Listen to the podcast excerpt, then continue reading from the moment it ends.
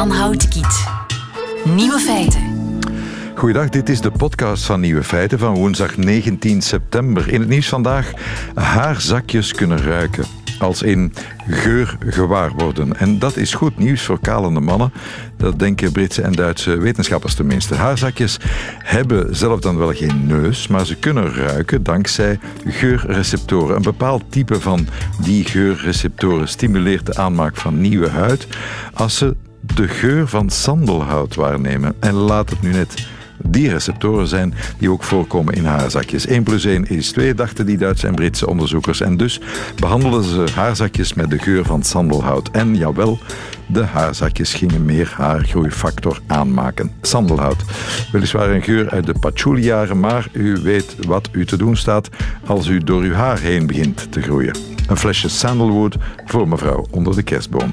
De andere nieuwe feiten. Tine stinkt, schepen van Leefmilieu Tom Rovers over het mysterie dat de stad al lang in de ban houdt en de onthulling van de oorzaak. Nierstenen hebben opvallend veel gemeen met andere gesteenten, ontdekte geologen en nefrologen. Energiedeskundige Jan Huinen heeft een oplossing gevonden voor het vraagstuk over waar we hernieuwbare energie kunnen opslaan. Hij promoveert morgen aan de Universiteit van Utrecht met een idee over een ondergrondse waterkrachtcentrale. En luisteraar Yves Herman vraagt zich af waar de uitdrukking ik krijg er de wubbes van vandaan komt. Het middagjournaal is van Julie Kafmeijer. Veel plezier. Nieuwe feiten. U vertoeft vast af en toe wel eens op uh, Facebook. En het is nu niet dat het meteen misschien een zoekterm is die u gaat ingeven, maar het kan zomaar zijn dat u per toeval terecht bent gekomen op de Facebookgroep. Uh, en u kunt nog aansluiten, want er is nog plaats in die Facebookgroep. De Facebookgroep Tine Stinkt. Een kleine bloemlezing. Wat hebben regen en de stank van rotte eieren gemeen? Tuinen. Wat pompen ze hier toch in de lokt? Het is een schande voor.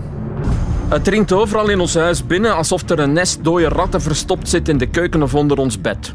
Zou mijn kinderen nu ziek van worden? Ik sloop mee van de stank. Vanaf drie uur een rotte strontgeur. Voorlopig zit de wind goed, maar ik hou mijn hart, of moet ik zeggen, mijn neus vast voor wat er gaat komen.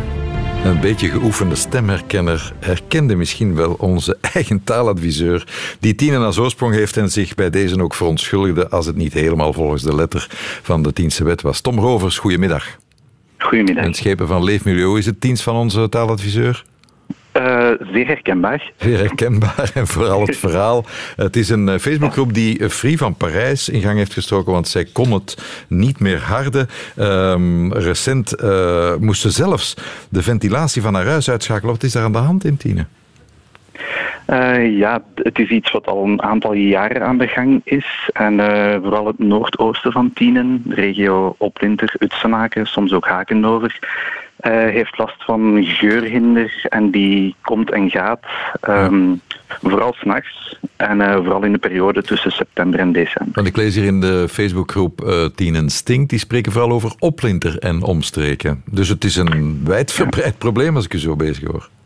Ja, dus, dus Noordoosten effectief. Uh, Oplinter is een van de meest geteisterde deelgemeenten, dat klopt. Stank in een stad, dat heeft meestal met, uh, ja, met industrie te maken. Uh, mm -hmm. ik, onlangs hoorde ik iemand in Leuven zeggen, ja, ik vind het fijne aan Leuven, dat is altijd een beetje thuiskomen, dat is de stank van de Stella. Als we dan mm -hmm. over tienen spreken, dan zal dat wel de stank van het suiker zijn, zeker? Ja, inderdaad. Uh, dat is natuurlijk voor iedereen een beetje een andere perceptie. Voor sommigen ruikt de suikerfabriek uh, lekker, voor anderen is dat stank. Maar hier gaat het toch nog over iets anders en is het niet de stank van het productieproces zelf of van het koken van de bieten, maar gaat het echt over ja, uh, de bloemlezing heb je daarnet gegeven, rotte eieren, rotte vis, verbrande kool. De beschrijvingen lopen wat uiteen en omdat we daar met toch een aantal verschillende industrieën naast elkaar zitten, is het niet duidelijk of niet altijd altijd duidelijk van waar precies de oorsprong komt. Dus het kan van alles zijn. Uh, er is inderdaad al gezegd, het zijn misschien die vijvers van de suikerfabriek. Het zou een stof ja. kunnen zijn van de citroenzuurfabriek Citric Belge. Is er, zijn we eruit wie het, wie het dan wel echt is? Wel, de voorbije jaren zijn er al een aantal metingen gebeurd uh, op regelmatige basis en zijn er ook al een aantal uh, acties ondernomen door Milieuinspectie, want zij zijn bevoegd omdat het gaat om klasse 1 bedrijven. En uh, zowel naar citriek toe als naar de Tiense suiker zijn er dus een aantal maatregelen opgelegd. Uh, Milieuinspectie is ook langs geweest op de nacht van uh, maandag op dinsdag en ze hebben geconstateerd dat deze keer het echt wel te maken heeft met de bezinkingscijfers van de tienste suiker. Want er was opgevallen op die Facebookpagina ook dat het vooral stonk uh, als, het aan, als het geregend had of wanneer het aan het regenen was. Goh, het heeft in ieder geval te maken met uh, het, het, weer uh, en de koude nachten. Dus de nachten worden nu wat kouder en dat geeft mogelijk een, een soort van inversie waarbij de bovenste laag van die vijvers afkoelt en dat de onderste lagen die wat warmer zijn naar boven komen en dan gassen meenemen. Dat is een van de mogelijke uitleggen die we gekregen hebben. Ja, want dat is het moeilijk en altijd iedereen probeert het op zijn manier te beschrijven, te vatten in woorden. Uh, mm -hmm. Maar ja, dat voor de een, wat voor de een rotte eieren is, is voor een ander de riool. Het is moeilijk om dat uh, in één terminologie te vatten. Hè? Dat klopt. En we merken dat dat zelfs uh, onder hetzelfde dak vaak zo is. Dat de man een heel andere beschrijving geeft als de vrouw. En dat sommigen zeggen van het zijn de bezinkingscijfers. En anderen zeggen het zijn zeker niet de bezinkingscijfers, want die geur ken ik. Uh, plus daarbij nog het feit dat het echt soms op een paar minuten tijd opkomt en terug verdwijnt. Wat maakt dat als we dan zelf ter plaatse willen gaan inspecteren, dat de geur vaak al verdwenen is tegen dat we daar zijn. Ja, want ondertussen, dat is natuurlijk dat er geur is in, en ik heb dat nog niet hinder gezegd, maar wel gedacht, hm. in Tienen is geen nieuw gegeven. Er zijn mensen, uh, Luc de Geest bijvoorbeeld, die is nu 70, die is al 30 jaar bezig, mm -hmm. ik herhaal 30 jaar met de boekhouding van de geuroverlast. Dat, mm -hmm. dat is een half leven dat je daarmee bezig bent. Het is geen nieuw probleem natuurlijk en op den duur worden mensen wat moedeloos. Hè? Uh, ja, dat klopt. Uh, meneer De Geest woont dan ook vlak tegen de bezinkingscijfers. Oh, dus uiteraard heeft hij er het meeste last van. Ja, ik heb hem al gesproken. Uh, ja, we zijn er zelf al lang mee bezig, maar inderdaad, de, de historiek is, is decennia oud. Ja. maar we merken wel dat de laatste jaren er terug een, een hevige problematiek was. Ja. Daarnaast, zoals gezegd, sommige nieuwe huizen hebben een automatische ventilatie, waardoor je die geur echt binnentrekt en dat die dan blijft binnenhangen. Mm -hmm. dus ja, dan wordt dat probleem groter en groter. U, u, bent dan de gebeten hond natuurlijk. Uh, en dan beginnen mm. mensen het overal te zoeken. Want soms wordt er gezegd van ja, het zijn misschien illegale lozingen in de geten. Uh, mm. Ja, het is moeilijk. Dit, dit, is dan toch wel een doorbraak in het onderzoek dat jullie hebben kunnen uitsluiten. Nee, het zijn niet al die andere dingen. Het zijn die vijvers. Zover zou ik zelf niet durven gaan. Uh, er is duidelijk een oorzaak nu vastgesteld, maar ik durf niet zeggen dat dit de enige oorzaak is. Daarvoor hebben wij al te veel meegemaakt en te veel uh, maatregelen zien gebeuren.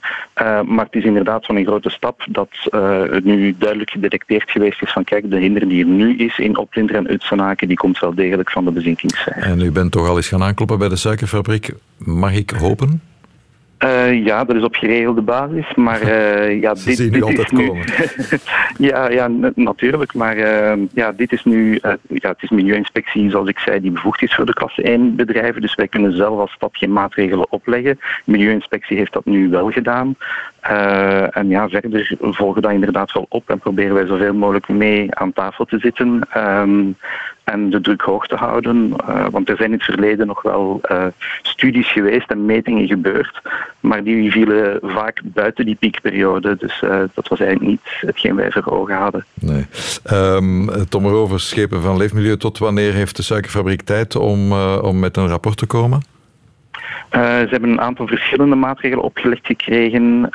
Eén uh, deadline daarvoor is 5 oktober. Een rapport zou er moeten zijn tegen 15 oktober. Oké, okay, wij blijven het en u blijft het ook opvolgen. Tom Rovers, schepen van Leefmilieu in uh, Tiene. En ik neem aan dat u lid bent van de, van de Facebookgroep om de zaken goed te kunnen volgen.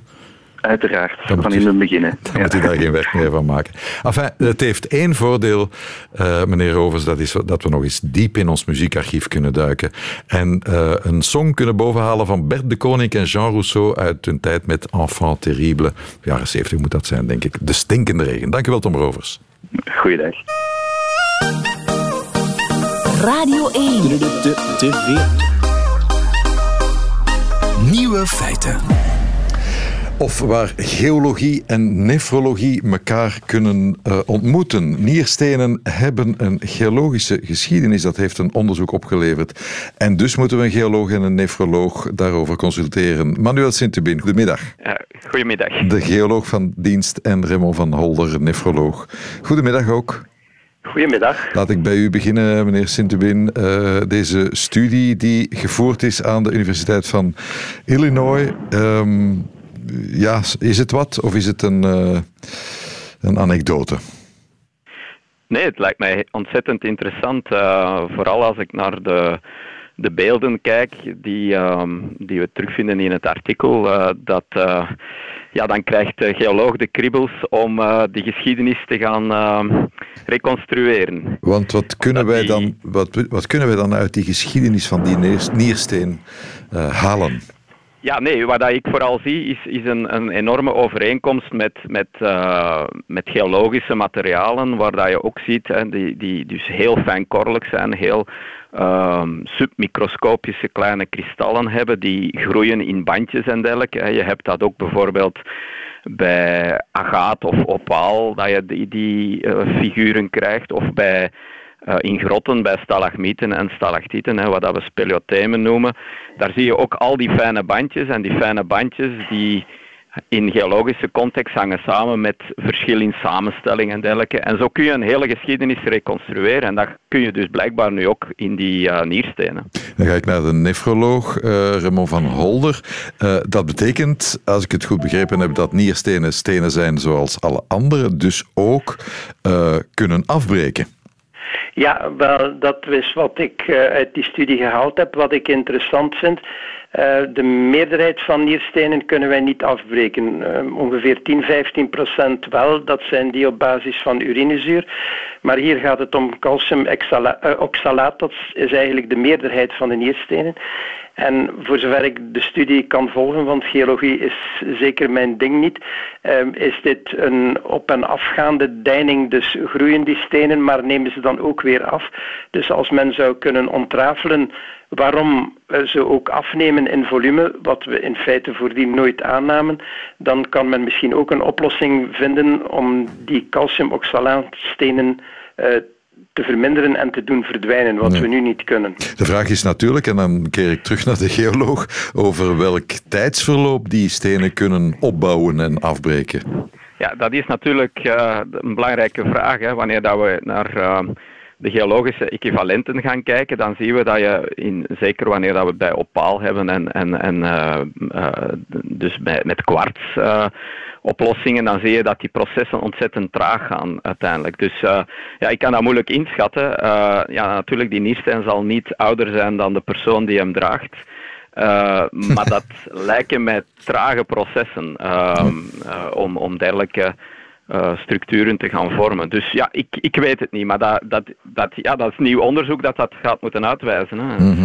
dus, de vraag is welke elementen eventueel zouden kunnen inspelen op de opbouw en vooral op de afbraak van die, van die nierstenen. Wat zou daar kunnen op inwerken? Uh, is die vraag aan mij gericht? Goh, aan, wie zich het bevoegd voelt. Remo van Holder, uh, mag hoor. Wel, uh, er zijn een aantal dingen die je kan doen natuurlijk, maar meestal is dat alleen maar eens dat je, de steen, dat je, dat je weet dat er stenen zijn of aanleg tot stenen om dat te voorkomen. Dus een aantal dieetmaatregelen, want uh, die stenen komen in principe voort uit de voeding. Dus uh, de calcium houden de voedingsbronnen aan de ene kant en dan oxalaat houden de voedingsbronnen. Met calcium bedoel ik uh, zuivelproducten, mm -hmm. met oxalaat hoofdzakelijk rabarber, spinazie, de klassieke dingen. Um, dus dat is één zaak.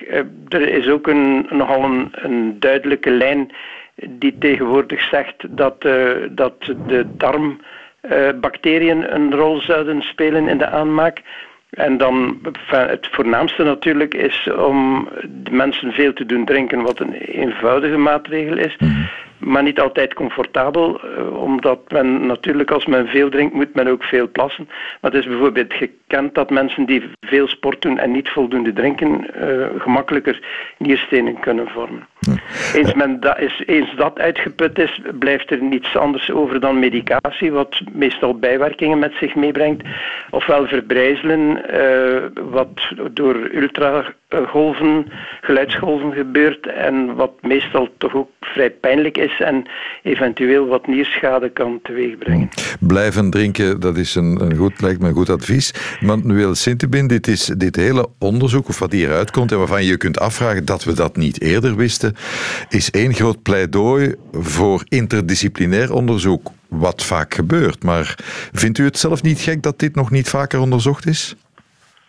Oh ja, je kunt altijd uh, de geschiedenis gaan herschrijven van hoe dat wetenschappelijk onderzoek uh, vooruit gaat. Uh, ja, meestal is hier ook een beetje serendipity bij betrokken en is dat een toevallige ontmoeting tussen mensen die, die tot dit project geleid hebben. En dus ja, je kunt dat alleen maar inderdaad ehm, eh, een positieve evolutie vinden, dat we elkaar vinden en dat we elkaars technieken gaan gebruiken om uh, de wetenschap vooruit te laten gaan. Dus, uh. Dit krijgen we als een geoloog, een dokter en een microscoopdeskundige samen het lab inwandelen. Dat moest misschien maar eens vaker gebeuren. Misschien moeten universiteiten, tot slot Remo van Holder, daar wat meer, ja, wat, dat, dit wat meer stimuleren, daar wat meer tijd voor maken. Voor dit soort van bijna toevallige ontmoeting.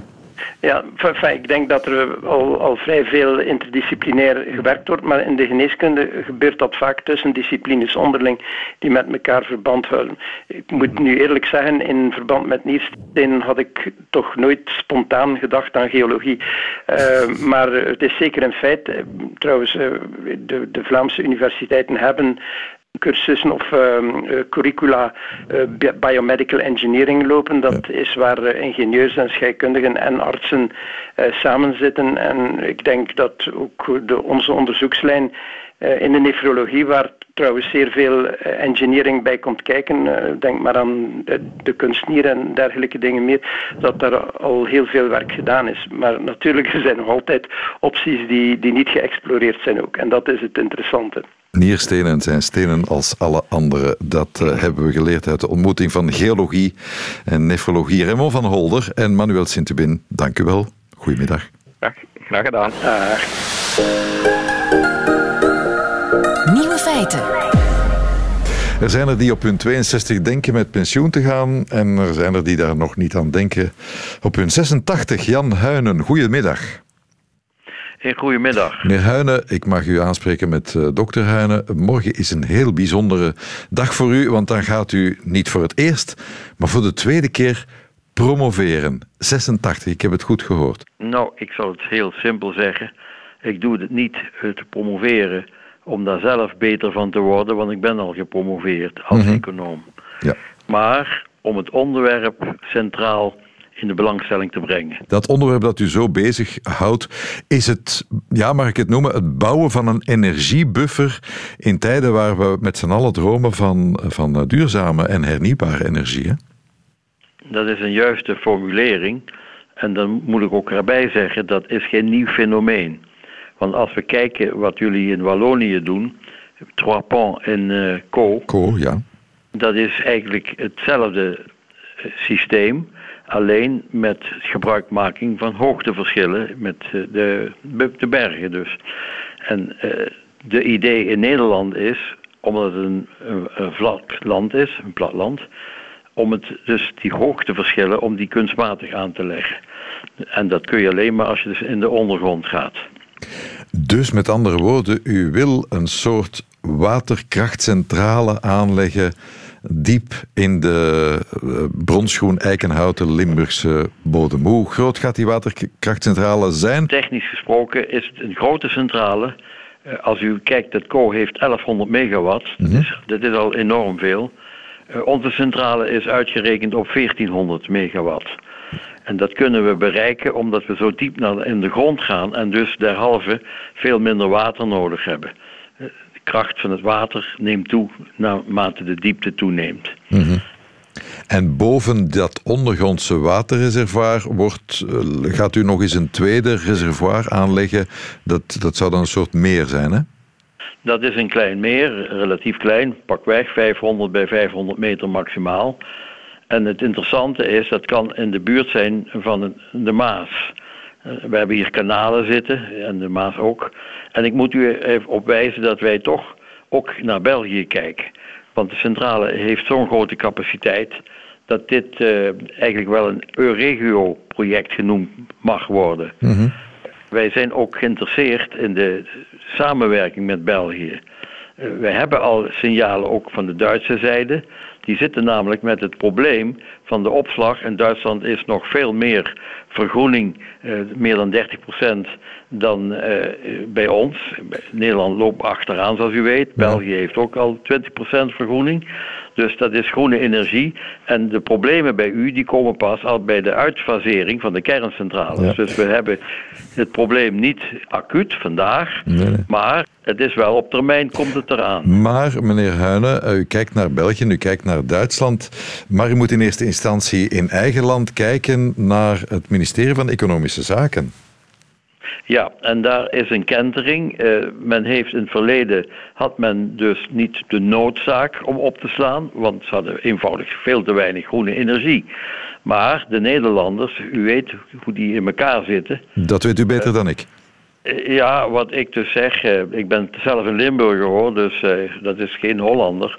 Maar de Nederlanders die zijn nogal altijd van uiterste, als ik het zo mag zeggen. Mhm.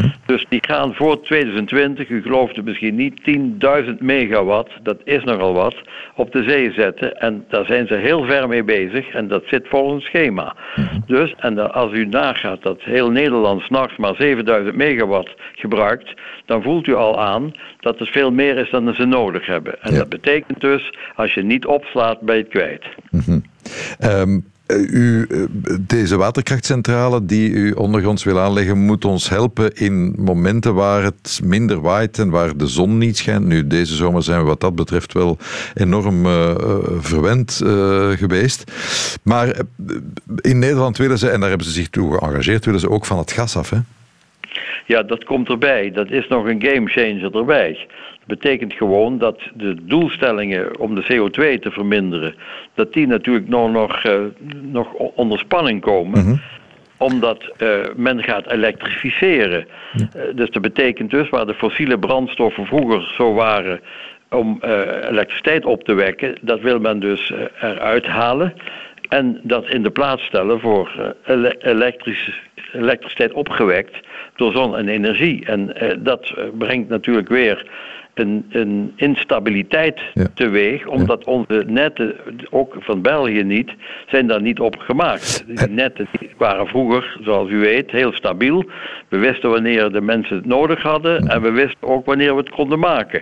En Nederland is heel ambitieus natuurlijk, want tegen 2030 willen jullie de broeikasgassen met bijna 50% naar omlaag, tegen 2050 met bijna uh, eh, 100%. Dus daar, ja, daar zit inderdaad wel wat tijdsdruk op. Dat plan dat u nu heeft ontwikkeld en dat u morgen ook uh, gaat verdedigen, is het, wat, wat gaat dat kosten en hoe lang zou het duren om dat te realiseren? Nou, de investering is natuurlijk groot. Dat moet u vergelijken met wat een centrale kost van elektriciteit, gas en zelfs een kerncentrale is nog veel duurder. Uh, en dat is 1,8 miljard. En voor die 1,8 miljard kunnen wij toch wel bijna anderhalf miljoen huishoudens gelijktijdig van stroom voorzien. Dus dat is een hele grote centrale. Mm. Het, het, is, mag ik het een soort levensdroom van u uh, noemen? Want u heeft er al wel wat gehad. U wilde ook uh, destijds nog een, een stadion uh, bouwen dat FC Limburg zou moeten gaan huisvesten. Daar is niks van ja, gekomen, dacht ik, hè? Ja, nee, maar kijk, dat is het volgende boek. Dat zijn de mislukkingen van Jan Huinen. Dat kondig ik nu alvast aan. Daar zijn er vele van. Dus uh, niet alles wat men aanpakt heeft succes. En u vreest niet dat u een beetje, ja, laat ik het oneerlijk zeggen, uh, een beetje weggezet wordt als een fantast tussen aanhalingstekens? Nou, ik ben conservatief. Uh -huh. ik kan goed rekenen. -huh. En er zijn ook zaken, ik weet niet of u Maastricht kent. Ja, heerlijke stad. Het congrescentrum heb ik opgezet. Ja. De, grootste kunstbeurs ter wereld. Ik wil niet opscheppen. Ja. Maar dat zijn toch ook wel resultaten. Maar daar gaat het hier niet om. Ja. Waar het hier om gaat is dus dat de omstandigheden die er nu zijn om een dergelijk project uh, te realiseren, die zijn beter en groter dan ooit. Nummer 1 de rentestand. De kapitaalmarkt heeft in geen tien jaar zo'n lage stand bereikt. En dat, dat gaat natuurlijk uh, tellen als je dus met investeringen zit van anderhalf miljard mm -hmm. en meer. Dus dat betekent gewoon dat de jaarlijkse lasten zijn uh, onevenredig laag in, dan met het verleden. Dat is er één. Tweede plaats, uh, als wij zo'n centrale in Nederland niet bouwen, dan hebben we ook het nadeel dat als we te veel stroom hebben, dat we die dus in uh, oneconomisch weg moeten gooien. Want batterijen alleen zullen het niet redden. Uh, batterijen zijn bovendien niet duurzaam, zoals we weten. Dat, na tien jaar kun je ze weggooien. Dus met andere woorden, er zijn niet zoveel alternatieven om uh, goed en groen op te slaan. Ja. Uh, meneer uh, Huinen, wij gaan niet met z'n allen uw proefschrift lezen. U zal ons dat vergeven. Dat is niet het soort lectuur wat we op de koffietafel leggen. Maar zondag presenteert u wel de handelseditie van dat onderzoek van u, Blue Battery for Green Energy. En dat, kunnen we, dat doet u zondag in Boekhandel Dominicana. Dat kunnen we dan wel weer lezen. Mag ik u alvast voor morgen alle succes wensen bij uw promotie? Dank u wel. En ik wil nog even toevoegen dit boek is toch een beetje ook commercieel geschreven, ondanks het een dissertatie is. Het is u vergeven, u bent niet, niet nee, maar niets. ik ga het even toevoegen. Ik heb namelijk op het einde heb ik een uitgebreide Engelse samenvatting. Voor degenen die dat snel willen lezen, dan kunnen ze met twaalf bladzijden weten wat erin staat. Maar ook natuurlijk een Nederlandstalige uh, samenvatting, die zit er ook in ook even, groot, even uitgebreid. Dat betekent dat mensen dus bijvoorbeeld niet schrikken uh, voor het boek zelf. Dat is namelijk toch uh, meer dan 300 bladzijden. Morgen is voor u een hoogdag, want dan promoveert u aan de Universiteit van Utrecht met een idee voor een ondergrondse waterkrachtcentrale. Jan Huinen, 86 en wel, mag ik u daar heel veel succes bij wensen. Ik dank u zeer, ik wens u nog een prettige dag. Nieuwe feiten. Soms komen er echt verscheurende levensvragen in onze mailbox terecht. Als u er zo eentje heeft, nieuwe feiten radio1.be. We hebben daar altijd oor naar. Zeker als het echt de echt belangrijke dingen van het leven zijn. Yves Herman, goedemiddag. Goedemiddag.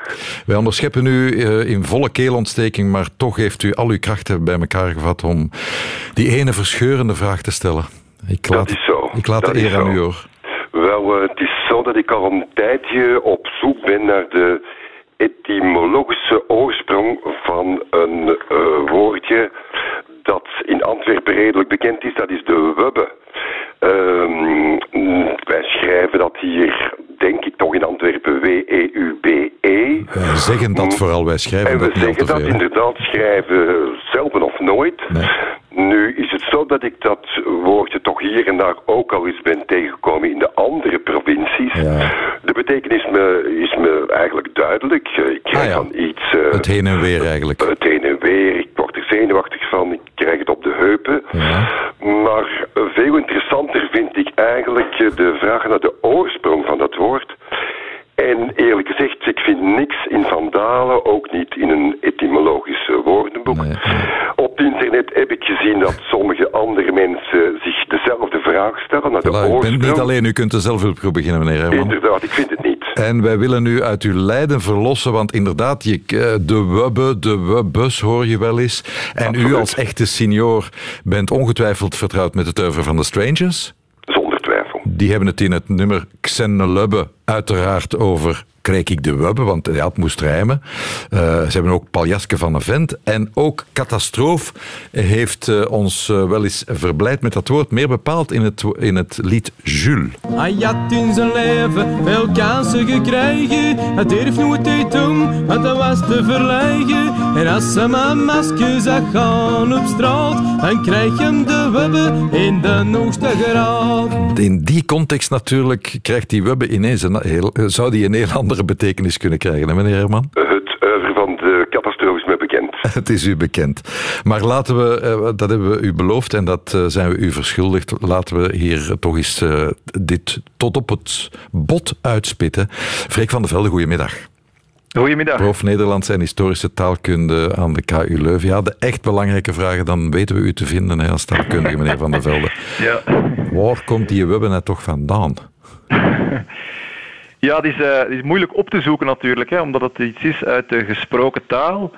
Uh, en dus eigenlijk niet voorkomt in de bronnen die regelmatig geconsulteerd worden om woordenboeken te maken. En uh, je gaat inderdaad vruchteloos op zoek in Vandalen om erachter te komen waar dat vandaan komt. Um, de meest waarschijnlijke verklaring lijkt mij te zijn dat um, wubbe een afleiding is van een werkwoord wubbelen. Uh, en dat is dan weer een vormvariant van wiebelen. Ah, ja, het heen en weer eigenlijk. het heen en weer precies. Het is dezelfde beeldspraak die daarachter zit. Hè. Dus je wordt ergens zo zenuwachtig, zo nerveus van, dat je er heen en weer van gaat schuiven. Het lijkt ook een beetje op een ziekte. Hè. De wubbes, de wubben. Ik denk dat het daar vandaan komt. En die ullen, hè, bij wubbelen, wiebelen, dat is uh, ja, een uitgang die aanduidt dat je iets heel frequent doet of heel regelmatig of, of uh, in korte tussenpozen. Uh, dus het is ja, iets waar je snel heen en weer van gaat schuiven. Wellicht um, ingegeven door uh, ergernis. Hè? Dus ja. een soort uh, mentale ziekte, zou ik zeggen. Ja. Je hoort ook wel eens zeggen de seskes of de seiskens ergens van krijgen. Heeft dat ja, ook, ja. kunt u dat ergens etymologisch plaatsen? Nee, ik weet niet precies waar dat dan van, vandaan zou komen. Uh, dat zou ik ook eens moeten opzoeken of zo, denk ik dan. De taalkunde maar... schiet schromelijk tekort, hè, meneer Herman? Als... Hoort u dat? Ja, ja zeker. Het verbaast mij een beetje dat de professor spreekt over ik denk dat, in plaats ja. van ik weet zeker. Dus er blijft toch wel enige twijfel. Ik denk dat hier een doctoraat in ja, zit. Ja, dus voor, voor uh, etymologie is het heel vaak zo dat je ofwel verschillende opinies hebt, of dat men in een duister tast. Dus ik zeg er voorzichtigheidshalve bij, ik denk dat. Um, ja, je moet natuurlijk, als je met enige kennis van zaken spreekt, je ziet klankwetten optreden en zo verder. Dus die, die, niet alle voorgestelde hypothesen zijn even plausibel. Hè? Niet al, ze zijn niet allemaal even ja, um, ja. waarschijnlijk, uh, maar... maar um, Door eliminatie komen we wel ergens. Ik denk natuurlijk, als ik die webbes hoor, dan denk ik ook naar het, aan het liedje van, van het zesde metaal, No de Weppen. Ja. Iets mee te maken? Want daar wil het eigenlijk ja, zeggen, het is allemaal... Het is ook een, een, een, een afleiding van, van het woordje wippen, van wip, uh, in de betekenis waarschijnlijk, en opnieuw, uh, hier is men niet zeker over, maar een collega taalkundige heeft, uh, Frans de Brabander, heeft daarin gezien de wipgalg.